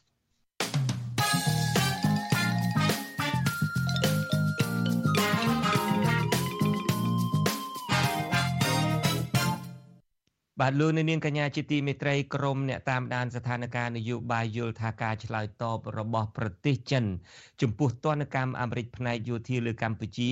គឺជាការការពារប្រទេសដែលកំពុងស្ថិតក្រោមឥទ្ធិពលរបស់ខ្លួន ពួកគេថាកម្ពុជានឹងជួបតែនឹងកាន់តែជួបគ្រោះថ្នាក់ធំនៅក្នុងចំនួនភូមិសាស្ត្រនយោបាយរវាងអាមេរិកនិងចិនបើនៅតែបន្តយកចិនជាខ្នងបង្អែកបាទលោកទីនសាការីយ៉ាមានសេចក្តីរាយការណ៍អំពីរឿងនេះពីរដ្ឋធានី Washington ក្រុមអ្នកខ្លោមើលស្ថានភាពនយោបាយព្រួយបារម្ភអំពីចំនួនភូមិសាស្ត្រនយោបាយកាន់តែតានតឹងរវាងចិននិងសហរដ្ឋអាមេរិកលើទឹកដីកម្ពុជានៅពេលបច្ចុប្បន្នបន្ទាប់ពីអាមេរិកបានបន្ថែមទណ្ឌកម្មលើកម្ពុជាហើយចិនបានចេញមុខការពារកម្ពុជានោះនៅស្រាវជ្រាវផ្នែកភូមិសាស្ត្រនយោបាយលោកវ៉ាន់ប៊ុនណាលើកឡើងថាការឆ្លើយតបរបស់ចិនចំពោះអាមេរិកជាចំនួនភូមិសាស្ត្រនយោបាយដោយយកកម្ពុជាធ្វើជាទីលានប្រកួតប្រជែងឥទ្ធិពលគ្នាលោកបន្តថាក្នុងស្ថានភាពបែបនេះកម្ពុជាពិបាកកិច្ចផុត ពីចំនួនមហាអំណាចទាំងពីរនេះណាដោយសារតែកម្ពុជាជាប្រទេសទុនខ្សោយហើយបើកម្ពុជានៅតែយកចិនជាខ្នងបង្អែកទៀតនោះកម្ពុជានឹងបន្តរងសម្ពាធបន្ថែមទៀតពីសហរដ្ឋអាមេរិកភាសាកម្ពុជាជាប្រទេសដែលគ្រប់គ្រងគោលនយោបាយចិនទាំងផ្នែកសេដ្ឋកិច្ចការទូតនយោបាយចឹងទេចឹងដើម្បីជាផលប្រយោជន៍របស់ខ្លួនគឺត្រូវការពីកម្ពុជាវិញដែរតែផ្សងផ្នែកការតតាំងបែបការទូតជាមួយសហរដ្ឋអាមេរិកការលើកឡើងរបស់អ្នកតាមដានស្ថានភាពនយោបាយរូបនេះ គឺក្រោយពីក្រសួងការបរទេសចិនបានចេញមុខថ្កោលទោសសហរដ្ឋអាមេរិកដែលបានដាក់ទណ្ឌកម្មរដ្ឋបတ်លើការលក់អាវុធឲ្យកម្ពុជាដោយភ្ជាប់នឹងឥទ្ធិពលចិនអ្នកនាំពាក្យក្រសួងការបរទេសចិនលោកវ៉ាងវិនបិនបានថ្លែងក្នុងសន្និសីទសារព័ត៌មានកាលពីថ្ងៃទី9ធ្នូនៅទីក្រុងប៉េកាំងដោយចោទប្រកាន់សហរដ្ឋអាមេរិកថាបានបង្ខូចឈ្មោះនិងលាបពណ៌មកលើទំនាក់ទំនងនិងកិច្ចសហប្រតិបត្តិការរវាងចិននិងកម្ពុជាលោកថាការគម្រិតកំហែងការដាក់សម្ពាធ និងការដាក់ទណ្ឌកម្មរបស់អាមេរិកមកលើកម្ពុជានេះជាទង្វើប្រើអំណាចគៀបសង្កត់ដែលល្មើសនឹងក្រមប្រតិបត្តិមូលដ្ឋាននៃទំនាក់ទំនងអន្តរជាតិដែលចិនត្រូវតែប្រឆាំងជាដាច់ខាតអ្នកនាំពាក្យក្រសួងការបរទេសចិនរូបនេះថ្លែងទៀតថាចិននិងកម្ពុជាជាដៃគូកិច្ចសហប្រតិបត្តិការយុទ្ធសាស្ត្រគ្រប់ជ្រុងជ្រោយជាមិត្តដៃថែបនិងជាសហគមន៍វាសនារួមហើយចិនគាំទ្រកម្ពុជាយ៉ាងម៉ឺងម៉ាត់ក្នុងការការពារអធិបតេយ្យភាពព្រមទាំងឈរជាមួយប្រជាពលរដ្ឋកម្ពុជាជារៀងរហូត។ ក្រោយពីចិនបានប្រកាសបែបនេះភ្លាមមេដឹកនាំរដ្ឋាភិបាលលហ៊ុនសែនបានបញ្ចេញសារផ្កើនសហរដ្ឋអាមេរិកជាថ្មីទៀតលោកប្រកាសតាម Facebook នៅថ្ងៃទី10ធ្នូដោយដាក់បញ្ជាដល់អង្គភាពប្រដាប់អាវុធទាំងអស់ឲ្យត្រួតពិនិត្យជាបន្ទាន់អំពីអាវុធនិងសម្ភារៈយោធាដែលកម្ពុជាមានបច្ចុប្បន្នក្នុងករណីមានអាវុធនិងសម្ភារៈយោធាអាមេរិកលោកបញ្ជាឲ្យប្រមូលអាវុធនិងសម្ភារៈយោធាអាមេរិកទាំងនោះទៅរក្សាទុកក្នុងឃ្លាំងឬយកទៅកំទេចចោលតាមការជាក់ស្ដែង លោកថែមទាំងចំអកទៀតថាអ្នកប្រើប្រព័ន្ធអាវុធច្រើនតែចាញ់សង្គ្រាមដូចជាករណីរបបសាធារណរដ្ឋខ្មែរនិងរដ្ឋាភិបាលអាហ្វហ្គានីស្ថានជាដើមកាលពីថ្ងៃទី8ធ្នូសហរដ្ឋអាមេរិកបានដាក់ទណ្ឌកម្មបន្ថែមទៀតលើរដ្ឋាភិបាលកម្ពុជាដោយរដ្ឋបတ်ការលួចអាវុធនិងសម្ភារៈយោធាឲ្យកម្ពុជាដោយសារតែបញ្ហារំលោភសិទ្ធិមនុស្សអំពើពុករលួយនិងការកើនឡើងអធិបុលយោធាចិននៅប្រទេសកម្ពុជានេះជាទណ្ឌកម្មថ្មីចុងក្រោយបន្ថែម លើទណ្ឌកម្មដែលសហរដ្ឋអាមេរិកបានដាក់មកលើមន្ត្រីជាន់ខ្ពស់និងមនុស្សចំណិតរបស់លោកហ៊ុនសែនដែលចូលដៃចូលជើងក្នុងការរំលោភសិទ្ធិមនុស្សធ្ងន់ធ្ងរនិងការប្រព្រឹត្តអំពើពុករលួយក្នុងគម្រោងស្ថាបនាកំពង់ផែជើងទឹករៀមដែលមានការសង្ស័យអំពីវត្តមានកងទ័ពចិនជុំវិញនឹងរឿងនេះអគ្គលេខាធិការសហព័ន្ធនិស្សិតបញ្ញវន្តកម្ពុជាលោកគៀនពន្លកយល់ឃើញថាកម្ពុជាបានដើរតាមចិនដែលជាប្រទេសកុម្មុយនីសហើយនេះជាហេតុផលមួយដែលចិនចេញមុខមកការពារកម្ពុជា លោកបន្តថាចិនជាប្រទេសដែលតែងតែជួយប្រទេសផ្ដាច់ការនិងប្រទេសក្រីក្រនានាដើម្បីឲ្យធ្លាក់ក្រោមអធិបតេយ្យរបស់ខ្លួនដូច្នេះលោកថាបើសិនជាកម្ពុជា នៅតែយកចិនជាខ្នងបង្អែកប្រកាសជាមានគ្រោះភ័យធំជាងលៀបកម្ពុជាគឺដើរតាមគន្លងដូចប្រទេសចិនអញ្ចឹងគឺការគោរពសិទ្ធិមនុស្សការគោរពលើលទ្ធិប្រជាធិបតេយ្យការគោរពទៅលើសិទ្ធិសេរីភាពនៃការបញ្ចេញមតិ ត្រូវដើរថយក្រោយបាទអញ្ចឹងចង់មិនចង់អ្វីដែលប្រទេសចិនលើកឡើងនេះគឺគ្រាន់តែការពារឲ្យប្រទេសដែលស្ថិតក្រោមអធិបតេយ្យរបស់ខ្លួនតែប៉ុណ្ណោះហើយចំណែកឯសហរដ្ឋអាមេរិកការដាក់ទណ្ឌកម្មទៅលើប្រទេសណាមួយគឺផ្អែកទៅលើគោលការណ៍នៃការគោរពទៅលើលទ្ធិប្រជាធិបតេយ្យនេះជាមូលហេតុមួយដែលធ្វើឲ្យសហរដ្ឋអាមេរិកដាក់ទណ្ឌកម្មទាំងផ្នែកសេដ្ឋកិច្ចនិងផ្នែកនយោបាយ សហគមន៍អន្តរជាតិពិសេសសហរដ្ឋអាមេរិកកំពុងដាក់ទណ្ឌកម្មជាបន្តបន្ទាប់មកលើកម្ពុជាដែលផ្ដល់ផលប៉ះពាល់ធ្ងន់ធ្ងរដល់វិស័យនយោបាយការទូតនិងសេដ្ឋកិច្ចក្រុមអង្គការសង្គមស៊ីវិលនៃវិភាគនិងបរដ្ឋទទូចអរដ្ឋាភិបាលគិតគូរឡើងវិញក្នុងការគោរពសិទ្ធិមនុស្សនិងអនុវត្តលទ្ធិប្រជាធិបតេយ្យជាពិសេសត្រូវរក្សាចំហឯករាជ្យអព្យាក្រឹតក្នុងស្ថានភាពចំនួនភូមិសាស្ត្រនយោបាយរបស់មហាអំណាចនៅលើទឹកដីកម្ពុជាខ្ញុំទីនសាការីយ៉ាអស៊ីសេរីប្រធានីវ៉ាស៊ីនតោន បាទលោកនាងកញ្ញាជាទីមេត្រីនៅចុងឆ្នាំ2021នេះ មានព្រឹត្តិការណ៍ធំធំមួយចំនួនកើតឡើងបន្តបន្ទាប់គ្នា ដែលអាចចារទុកក្នុងប្រវត្តិសាស្ត្រនៃកម្ពុជាផងនោះគឺការប្រកាសរបស់លោកកឹមសុខាថាកឹមសុខាសំរងស៊ីលែងជាមនុស្សតែមួយទៀតហើយការបញ្ចេញបេក្ខភាពនាយករដ្ឋមន្ត្រីកម្ពុជាទៅថ្ងៃមុខដែលជាកូនប្រុសរបស់លោកហ៊ុនសែនដោយលោកហ៊ុនសែនផ្ទាល់ គម្រោងបញ្ចេញឈ្មោះគណៈរដ្ឋមន្ត្រីថ្មីដែលជាកូនចៅរបស់មេដឹកនាំនៃគណៈបកប្រជាជនកម្ពុជាការដាក់ទណ្ឌកម្មផ្នែកយោធាពីសហរដ្ឋអាមេរិកទៅលើកម្ពុជាដែលមិនធ្លាប់មានពីមុនមកតើអ្នកវិភាគនិងអ្នកនយោបាយមានទស្សនៈបែបណាជុំវិញការវិវត្តថ្មីនេះ តើព្រឹត្តិការណ៍ទាំងនេះអាចជះឥទ្ធិពលយ៉ាងណាដល់ឆ្នាំ2022និងអនាគតនៃប្រទេសកម្ពុជា បាទលោកអ្នកនាងនឹងបានស្ដាប់ការបកស្រាយរបស់អ្នកវិភាគនយោបាយនិងសង្គមលោកបណ្ឌិតសេងសេរីនិងមេគណៈបកប្រឆាំងលោកសំរងស៊ីក្នុងនីតិវេទិកាអ្នកស្ដាប់វិទ្យុអាស៊ីសេរីដែលនឹងចាប់ផ្ដើមនាពេលបន្តិចទៀតនេះ thank you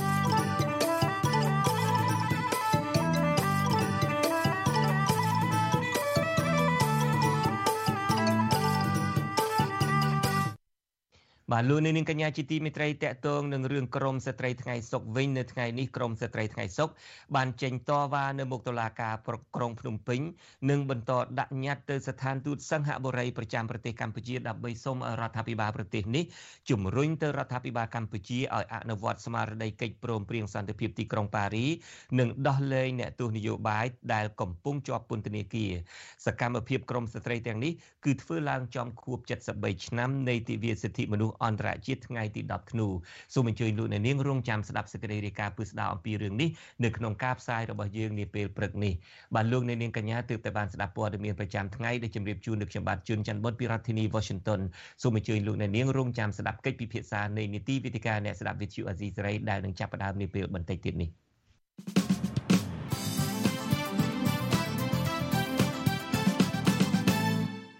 បបាទជាបន្តទៅទៀតនេះគឺជានីតិវេទិកាអ្នកស្ដាប់វិទ្យុអាស៊ីសេរី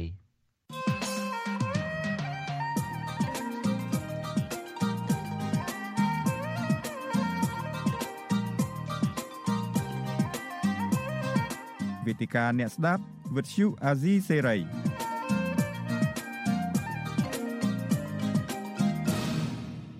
បាទខ្ញុំបាទជួនច័ន្ទបុតស៊ូមជម្រាបសួរលោកអ្នកនាងកញ្ញាជាថ្មីម្ដងទៀតខ្ញុំបាទមានកិត្តិយសសម្របសម្រួលនីតិវេទិកាអ្នកស្ដាប់វិទ្យុអាស៊ីសេរីដែលមានវាគ្មិនកិត្តិយសពីររូបចូលរួមមើលរូបចូលរួមមកពីទីក្រុងប៉ារីប្រទេសបារាំងគឺមេគណៈបកប្រឆាំងលោកសំរងស៊ីខ្ញុំបាទសូមជម្រាបសួរលោកសំរងស៊ីបាទជម្រាបសួរបាទ អរគុណហើយវាគ្មិនមួយរូបទៀតមកភ្ជាប់ជាមួយយើងតាមប្រព័ន្ធវីដេអូ Skype ដែរពីក្រុងបាងកកនៃប្រទេសថៃគឺលោកបណ្ឌិតសេងសេរីបាទខ្ញុំបាទសូមជម្រាបសួរលោកបណ្ឌិតសេងសេរីបាទបាទជម្រាបសួរលោកជុនច័ន្ទបតហើយជម្រាបសួរហើយដំសំអាស៊ីបាទបាទអឺ កន្លងមកនេះនឹងឃើញថាមានព្រឹត្តិការណ៍នឹងកើតឡើងផ្ទួនផ្ទួនគ្នាច្រើនណាស់នៅប្រទេសថៃនឹងមុននឹងចាប់ផ្ដើមកិច្ចពិភាក្សាចង់សួរសុខទុក្ខលោកបណ្ឌិតសេងសេរីបន្តិចមើលយ៉ាងម៉េចហើយសុខទុក្ខយ៉ាងណាដែរនៅប្រទេសថៃហើយត្រឡប់ទៅវិញប្រទេសកម្ពុជាវិញពេលណាដែរមានផែនការទេបាទតែខ្ញុំឥឡូវនេះខ្ញុំសុខទុក្ខធម្មតាហើយគម្រោងសិក្សាស្រាវជ្រាវរបស់ខ្ញុំខ្ញុំបានប្រមូលទិន្នន័យចិត្តចប់ហើយ នៅតែដំណាក់កាលមួយដែលយើងត្រូវទៅសេរបាយការណ៍ស្រាវជ្រាវហើយគម្រោងដែលចប់ប្រកាសហ្នឹងគឺក្រោយចូលឆ្នាំខ្មែរអញ្ចឹងហើយចូលក្រោយចូលឆ្នាំខ្មែរខែ4នេះនោះអញ្ចឹងនៅបន្តនៅប្រទេសថៃនឹងមួយរយៈទៀតទៅបាទបាទហើយនឹងត្រឡប់ទៅវិញប្រហែលជាក្រោយចូលឆ្នាំឬក៏ចូលឆ្នាំខ្មែរហើយហើយសុកទុកលោកជនច័ន្ទវត្តយ៉ាងម៉េចដែរបាទខាងសហរដ្ឋអាមេរិកនឹងវិញបាទបាទ អរគុណនៅសហរដ្ឋអាមេរិកនេះអឺជំងឺ Covid-19 នឹងឡើងចុះឡើងចុះដូចជាកន្លែងដទៃទៀតដែរទេ នៅពេលដែលមានវីរុសវីរុសវីរុសបំលែងថ្មីអូមីក្រុននឹងមកនឹងក៏គេបន្ថែមឲ្យមានការពាក់ម៉ាស់អីនឹងបន្តទៀតអីចឹងទៅជាពិសេសតំបន់ដែលពួកយើងខ្ញុំនៅនេះហើយក្រៅទៅពីនឹងទេដែលហេតុតែប្រទេសនេះមានវ៉ាក់សាំងច្រើននឹងឬថាមានកិច្ចពិភាក្សាអាចនឹងអនុញ្ញាតឲ្យមនុស្សនឹងចាក់ដូសចាក់គេដូសជំរុញនឹងទី4ថែមទៀតផង ហើយចំពោះសុខភាពខ្លួនខ្ញុំផ្ទាល់នឹងក៏ឡើងចុះឡើងចុះស្តៀងទៅនឹងមេរោគ COVID-19 នឹងដែរអា កោសិកាកង់សែមហារីករបស់ខ្ញុំបាទនឹងវាចេះបំលែងខ្លួនរហូតដល់តែឆ្នាំនឹងដាក់មិនជុលទេ ទីបំផុតនឹងបានត្រឹមតែទៅចាក់វ៉ាក់សាំងដែរនឹងរាល់សប្តាហ៍នឹងជាពិសេសរាល់ថ្ងៃសុក្រនឹងគេហៅថា immunotherapy នឹងគ្រាន់តែទៅចាក់ដើម្បីគ្រាន់តែពន្យាពន្យាវាទៅมันអាចសម្លាប់វាបានទេដែលហេតុថាវាក៏ចេះបំលែងខ្លួនដែរអឺអ្វីក៏ដោយក៏បង្លែងខ្លួនដើម្បីឲ្យបានរស់ជានិច្ច ហើយអរគុណលោកសេងសេរីដែលបានសួរសុខទុក្ខដល់ខ្ញុំបាទនេះឥឡូវងាកមកកិច្ចពិភាក្សារបស់យើងវិញម្ដងដោយលោកសេងសេរីហើយនិងអាដាមសំរងស៊ីបានជ្រាបហើយមានព្រឹត្តិការណ៍ធំធំកើតឡើងផ្ទួនផ្ទួនគ្នានឹងច្រើនណាស់ក្នុងរយៈពេលចុងឆ្នាំ2021នេះព្រឹត្តិការណ៍ទី1នឹងគឺការប្រកាសរបស់លោកកឹមសុខាថាកឹមសុខាសំរងស៊ីលែងជាមនុស្សតែមួយ មិនទាន់បានប្រមាណផងនឹងលោកហ៊ុនសែននឹងបញ្ចេញបេក្ខភាពនាយករដ្ឋមន្ត្រីនឹងដែលជាកូនប្រុសរបស់គាត់នឹងតែម្ដងហើយកន្លងមកបានបន្តិចមកនឹងលោកក៏ បញ្ចេញសារមួយទៀតថាលោកនឹងថ្ងៃទី24នេះប្រហែលថ្ងៃចុងខែចុងខែធ្នូនេះនឹងគឺថ្ងៃ24ខែធ្នូនេះនឹងបង្ហាញសមាជិកភាពគណៈរដ្ឋមន្ត្រីថ្មីដែលលោកអះអាងថាមានវ័យក្មេងអាយុក្រោម60ឆ្នាំហើយភាគច្រើនសុទ្ធតែជាកូនចៅរបស់មេដឹកនាំនៃគណៈបកប្រជាជនកម្ពុជានឹងតែម្ដង ហើយម្សិលមិញម្សិលមួយថ្ងៃនេះក៏ចេញរឿងមួយដែលអាចចារទុកក្នុងប្រវត្តិសាស្ត្រទៀតសហរដ្ឋអាមេរិកប្រកាសថានឹងដាក់ទណ្ឌកម្មផ្នែកយោធាទៅលើសហរដ្ឋអាមេរិកផងពីបទដែលកម្ពុជានឹងមិនគោរពសិទ្ធិមនុស្សហើយនឹងរំអៀងទៅចិនពេកឯនឹងជាដើមដូច្នេះកិច្ចពិភាក្សារបស់យើងខ្ញុំចង់បានការវិភាគ របស់លោកបណ្ឌិតសេងសេរីនិងលោកសំរងស៊ីតកតងទៅនឹងយ៉ាងហោចណាស់ព្រឹត្តិការណ៍សំខាន់សំខាន់ទាំង4នេះចាប់ផ្ដើមពីការប្រកាសរបស់លោកកឹមសុខាថាកឹមសុខានិងសំរងស៊ីលែងជាមនុស្សតែមួយវិញតើលោកបណ្ឌិតសេងសេរីអាចចាត់ទុកថានេះគឺជា ទីអវសានឬមួយទីបញ្ចប់នៃគណៈបកសង្គ្រោះជាតិទេបាទជំរាបសួរម្ដងទៀតលោកអ្នកស្ដាប់វិទ្យុស៊ីសេរី ខ្ញុំតាមពិតខ្ញុំបានធ្វើអធិប្បាយនឹងនឹងខ្លះមកហើយហើយខ្ញុំចាត់ទុកថាទាំងព្រឹត្តិការណ៍ទាំងសកម្មភាពទាំងមនុស្សអ្នកនយោបាយចុងឆ្នាំ2021នេះគឺកើតរឿងចម្លែកច្រើនរហូតដល់ខ្ញុំប្រើប្រាស់ពាក្យដែលធ្ងន់បន្តិចទៅលើលោកកឹមសុខាខ្ញុំហៅគាត់ជាមេបកចម្លែក ហើយព្រឹត្តិការណ៍ច្រើនណាស់ក៏ជាប្រសិទ្ធតែជាព្រឹត្តិការណ៍ចម្លែកចម្លែកដែលកើតឡើងចុងឆ្នាំ2021នេះយើងចាប់ផ្ដើមពីអ្វីដែលខ្ញុំបានលើកឡើងនោះយើងឃើញថាអឺថ្ងៃទី28ខែវិច្ឆិកានេះយើងឃើញថាលោកកឹមសុខាបានប្រកាសដំបូងឡើយគាត់ចាប់ផ្ដើមចេញពីការប្រកាសមិនអនុញ្ញាតឲ្យ សមាជិកសមាជិកានៃគណៈបក្សសង្គ្រោះជាតិប្រើប្រាស់រូបភាពឬក៏ឈ្មោះរបស់លោកកឹមសុខានៅក្នុងការឃោសនានយោបាយឬក៏ធ្វើសកម្មភាពនយោបាយក្នុងហ្នឹងគឺសំដៅទៅលោកសំរាសីដែរបាទបន្ទាប់មកទៀតប្រហែលប្រហែលជា2ថ្ងៃយើងឃើញថាលោកកឹមសុខាចាប់ផ្ដើមប្រកាសជាផ្លូវការថាសំរងសៀនិងកឹមសុខាលែងជាមនុស្សតែមួយហើយហើយអ្វីដែលសំខាន់ហ្នឹងគឺអឺ អាយដាមសំរងស៊ីលោកសំរងស៊ីក៏នៅតែប្រកាសថាសំរងស៊ីនិងកឹមសុខានៅជាមនុស្សតែមួយហេតុផលដែលអាយដាមកឹមសុខាប្រកាសបែបនេះដោយសារតែអាចមានគំនាបសង្កត់ពីរដ្ឋាភិបាលដោយសារតែអាយដាមកឹមសុខានៅមានទោសទណ្ឌនៅឡើយក៏ប៉ុន្តែទោះបីយ៉ាងណាក៏ដោយអ្វីដែលខ្ញុំយិនហៅលោកកឹមសុខាទៅជាមេបកចម្លែងដោយសារតែអំឡុងពេលដែលខ្លួនជាមេបក ខ្លួនបែរជាហាមសហការីឬក៏សមាជិកសមាជិការបស់ខ្លួនមិនឲ្យប្រើប្រាស់ឈ្មោះរបស់ខ្លួនអានេះវាជារឿងមួយដែលដែលខ្ញុំគិតថាវាជារឿងចម្លែកក្រោយមកបាន2ថ្ងៃយើងឃើញថាវាជារឿងចម្លែកទៀតហើយដែលសម្ដេចនាយករដ្ឋមន្ត្រីហ៊ុនសែនប្រកាសលើកលោកអាដាមហ៊ុនម៉ាណែតដែលជាកូនប្រុសច្បងបង្កើតរបស់ខ្លួននឹងជាបេក្ខភាពមួយក្នុងចំណោមបេក្ខភាពនាយករដ្ឋមន្ត្រីផ្សេងទៀត គឺក្រោយតែ2ថ្ងៃដែលលោកកឹមសុខាប្រកាសបែកបាក់ពីពីអាដាមសំរងស៊ីហើយអ្វីដែលជារឿងចម្លែកថែមទៀតនោះគឺអំឡុងពេលដែលគណៈបកកណ្ដាលអំណាចកំពុងតែរៀបចំជាពិសេសចាស់ទុំនៅក្នុងគណៈបកកណ្ដាលអំណាចកំពុងតែរៀបចំអ្នកបន្តវេនរបស់ខ្លួនហ្នឹងគឺយើងឃើញថាចាស់ទុំនៅក្នុងគណៈបកសង្គ្រោះជាតិហ្នឹងហាក់ដូចជាមានវិវាទជាពិសេសការចាប់ផ្ដើមពី លោកកឹមសុខាក្នុងការប្រកាសបែកបាក់គ្នាហើយរឿងដែលចម្លែកមួយទៀតគឺយុវជនរបស់គណៈបកសង្គ្រោះជាតិដែលយើងឃើញថាយ៉ាងហោចយើងយើងឃើញជាពិសេសកូនស្រីរបស់លោកកឹមសុខាកញ្ញាកឹមមនោវិជាហ្នឹងគឺប្រកាសទៀមទាឲ្យអាដាមសំរងស៊ីនឹងចូលនិវត្តនយោបាយព្រោះហើយកញ្ញាបានប្រកាសថាសកម្មភាព ដែលអាដាមសំរងធ្វើធ្វើកន្លងមកនោះគ្រាន់តែជាសកម្មភាពរបស់មនុស្សសាមញ្ញមិនមែនជាសកម្មភាពរបស់អ្នកនយោបាយឆ្លៀតកុំឱកាសនេះខ្ញុំខ្ញុំគិតថាអ្វីដែលសំខាន់ហ្នឹងយើងឃើញថាស្ថានភាពបែបនេះវាវារំលឹកខ្ញុំអំពីរឿងមួយដែលយើងឃើញថាឥឡូវនេះវាហាក់ដូចជានៅក្នុងគណៈបពប្រឆាំងហាក់ដូចជាសម្បូរអ្នកនយោបាយឆ្មាចាំស៊ីត្រីអាំងមានន័យថា ខ្លួនឯងមិនមិនហ៊ានចុះទឹកទេក៏ប៉ុន្តែចង់ស៊ីត្រីអាំងចង់ចង់ស៊ីត្រីអាំងត្រីបន្ថៃទុនទៅទៀតអញ្ចឹងហើយខ្ញុំចង់ធៀបឃើញថាអ្វីដែល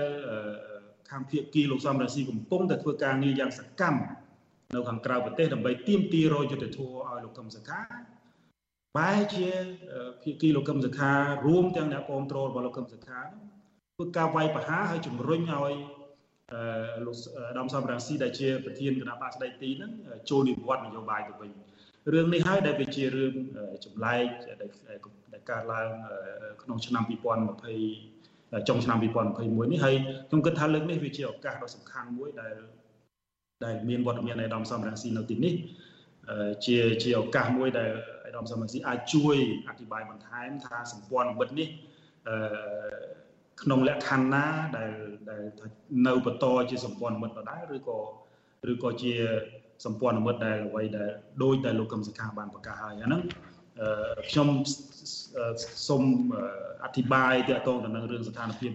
នយោបាយផ្ទៃក្នុងរបស់កម្ពុជាប៉ុណ្ណឹងប៉ុន្តែដល់ឡែកក៏យើងឃើញថាស្ថានភាពនៃការដាក់គំនាបសង្កត់ឬក៏ប្រកាសដាក់គំនាបសង្កត់របស់សហរដ្ឋអាមេរិក ក៏ជារឿងមួយដែលកើតឡើងចុងឆ្នាំដែរហើយរឿងមួយទៀតដែលគួរឲ្យចាប់អារម្មណ៍ដែរនោះគឺរដ្ឋាភិបាលកម្ពុជាសម្ដេចហ៊ុនសែនប្រកាសថានឹងអញ្ជើញមេដឹកនាំរបស់ភូមាមេដឹកនាំយោធានឹងចូលរួមប្រជុំអាស៊ានឆ្នាំ2022អំឡុងពេលដែលខ្លួនជាប្រធានប្រវេនហើយនេះគឺជាព្រឹត្តិការណ៍ធំធំដែលយើងគិតថាវាជារឿងដែលគួរឲ្យចាប់អារម្មណ៍នៅក្នុងបរិបទនយោបាយទាំងក្នុងនិងក្រៅប្រទេសចុងឆ្នាំនេះបាទ បាទទុនសំណួររបស់ខ្ញុំទៅកាន់លោកបណ្ឌិតសេងសេរីថាតើចំណុចទី1នៃចំណុចតការដែលលោកកឹមសុខាប្រកាសថាកឹមសុខាសំរងស៊ីលែងជាមនុស្សតែមួយនឹងអាចជាទីអវសាននៃគណៈបកសង្គ្រោះជាតិទេមកដល់ពេលនេះយើងឃើញថាស្ថានភាពមិនទាន់បង្ហាញច្បាស់ថាកឹមសុខាសំរងស៊ីជាមនុស្សតែមួយបែកបាក់នៅឡើយទេព្រោះអាដាមអាដាមសំរងស៊ីនៅប្រកាសថាសម្ព័ន្ធមិត្តនេះនៅដដែល ប៉ុន្តែខ្ញុំឃើញលក្ខខណ្ឌមួយបើសិនជាក្នុងករណីនៅពេលដែលដំកឹមសខាប្រកាសសំរងស៊ីកឹមសខាលែងជាមនុស្សតែមួយហើយវាវាអាចដល់អវសាននៃនៃសម្ព័ន្ធមិត្តនោះលុះត្រាតែលោកកឹមសខានឹងលាលែងពីប្រធានគណៈបកនៅពេលនោះយើងនៅពេលនោះយើងឃើញថាហ្នឹងគឺជាគឺជាលក្ខខណ្ឌមួយដែលនឹងនឹងបង្ហាញច្បាស់ថាសម្ព័ន្ធមិត្តនេះនឹងបែកបាក់មែនទែនបើសិនជាក្នុងករណី លោកខឹមសខានៅតែជាប្រធានគណៈបកដដែលអញ្ចឹងសហសមាជិកសមាជិកានៃគណៈបកសង្គ្រោះជាតិនៅតែអាចប្រើឈ្មោះប្រធានរបស់ខ្លួននៅតែអាចប្រើប្រាស់រូបថតរបស់ប្រធានរបស់ខ្លួននៅក្នុងការធ្វើកិច្ចការងារនយោបាយដដែលហើយសម្ព័ន្ធមិត្តនេះនៅតែខ្ញុំគិតថានៅតែបន្តក្នុងលក្ខខណ្ឌមួយដែលលោកកឹមសុខាមិនព្រមលាលែងចេញពីប្រធានគណៈបកសង្គ្រោះជាតិបាទ ខ្ញុំបាទសូមកាត់ប្រសាសន៍លោកបណ្ឌិតសេងសេរីបន្តិចដែលហេតុថាដល់ម៉ោងដែលខ្ញុំបាទត្រូវការជម្រាបលាលោកអ្នកតាមដានស្ដាប់ការផ្សាយរបស់យើងនៅតាមវិទ្យុរលកធាតុអាកាសខ្លីខ្ញុំបាទសូមគោរពលាតែប៉ុណ្ណេះហើយយើងនឹងបន្តកិច្ចពិភាក្សាទៀតហើយលោកអ្នកនាងដែលមានមានលទ្ធភាពក្នុងការទស្សនាការតាមដានការផ្សាយរបស់យើងនៅបណ្ដាញសង្គម YouTube និង Facebook កិច្ចពិភាក្សារបស់យើងនឹងបន្តទៅទៀតបាទ